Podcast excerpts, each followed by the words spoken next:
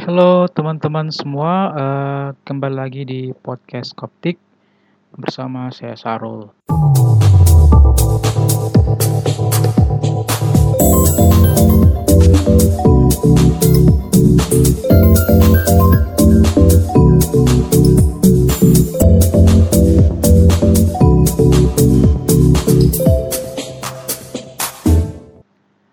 Oke, uh, sekarang kan kita lagi puasa nih, aku mau ucapin selamat menjalankan ibadah puasa buat teman-teman yang menjalankan.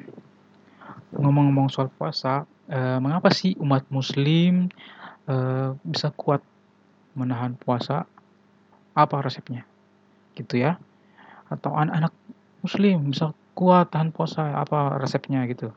Apa rahasianya? Jadi, uh, aku pernah baca artikel dari seorang pakar farmasi. Dia menjelaskan di situ bahwa saat kita mengucapkan atau mengatakan uh, niat puasa, secara tak langsung sebenarnya kita telah memberitahu hipotalamus uh, bahwa kita akan berpuasa untuk 12 jam lebih ke depan. 13 jam ya.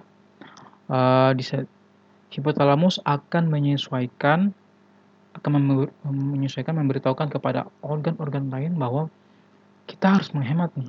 Karena si pemilik tubuh ini bakal puasa bakal menahan tidak ada asupan tidak ada pemasukan gitu bakal dihemat banyak-banyak. Jadi biar tidak pusing eh, tidak loyo capek atau pingsan bahkan maka si hipotalamus melakukan yang namanya eh, efisiensi. Seperti eh, hipotalamus bakal memberitahu ginjal eh, kita akan melakukan efisiensi di mana pada saat subuh eh, setelah sahur kita biasanya akan rajin buang air kecil eh, setelah di atas jam 10 pagi kita sudah tidak rasa buang air kecil lagi kayak semua terasa, terasa stop gitu ya. Terus untuk mencegah dehidrasi biasanya eh, ginjal itu bakalan melakukan penghematan eh, atau efisiensi tadi. Seperti sering sering buang air kecil pada pada subuh hari. Lalu eh, ada efisiensi energi biasanya akan mengalami rasa ngantuk ya. Luar biasa Eh, pada pagi atau siang itu bu bahkan rasa ngantuk ini tidak muncul seperti eh, bulan-bulan uh, lain. Meskipun kita habis begadang semalam rasa ngantuknya itu beda. Hal itu mungkin terjadi karena hipotalamus meminta jantung berdenyut lebih pelan paru-paru juga bekerja lebih lambat otak bekerja lebih perlahan Nah, semua itu karena usaha hipotalamus tadi untuk melakukan penghematan energi atau biasa disebut kalau di dalam smartphone kita itu namanya power saving mode. Biar kita bisa sampai 13 jam puasanya. Uh, terus juga ada sih efek samping dari itu semua.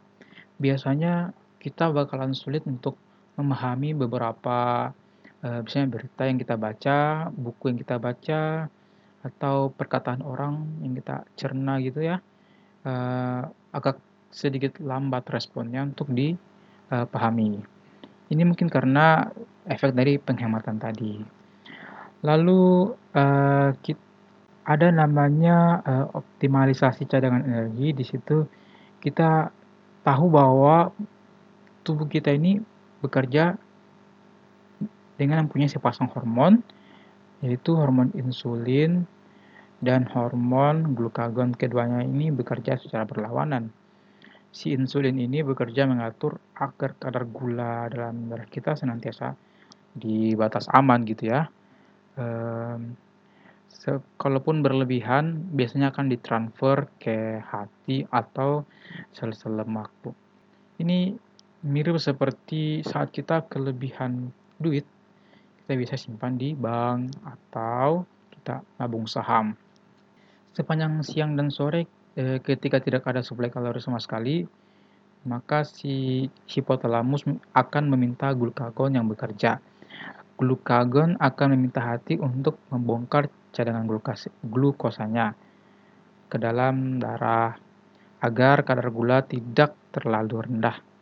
Ini mirip ketika kita udah bokek, tapi kita masih punya cadangan di ATM, uh, terus kita ke ATM buat ambil itu.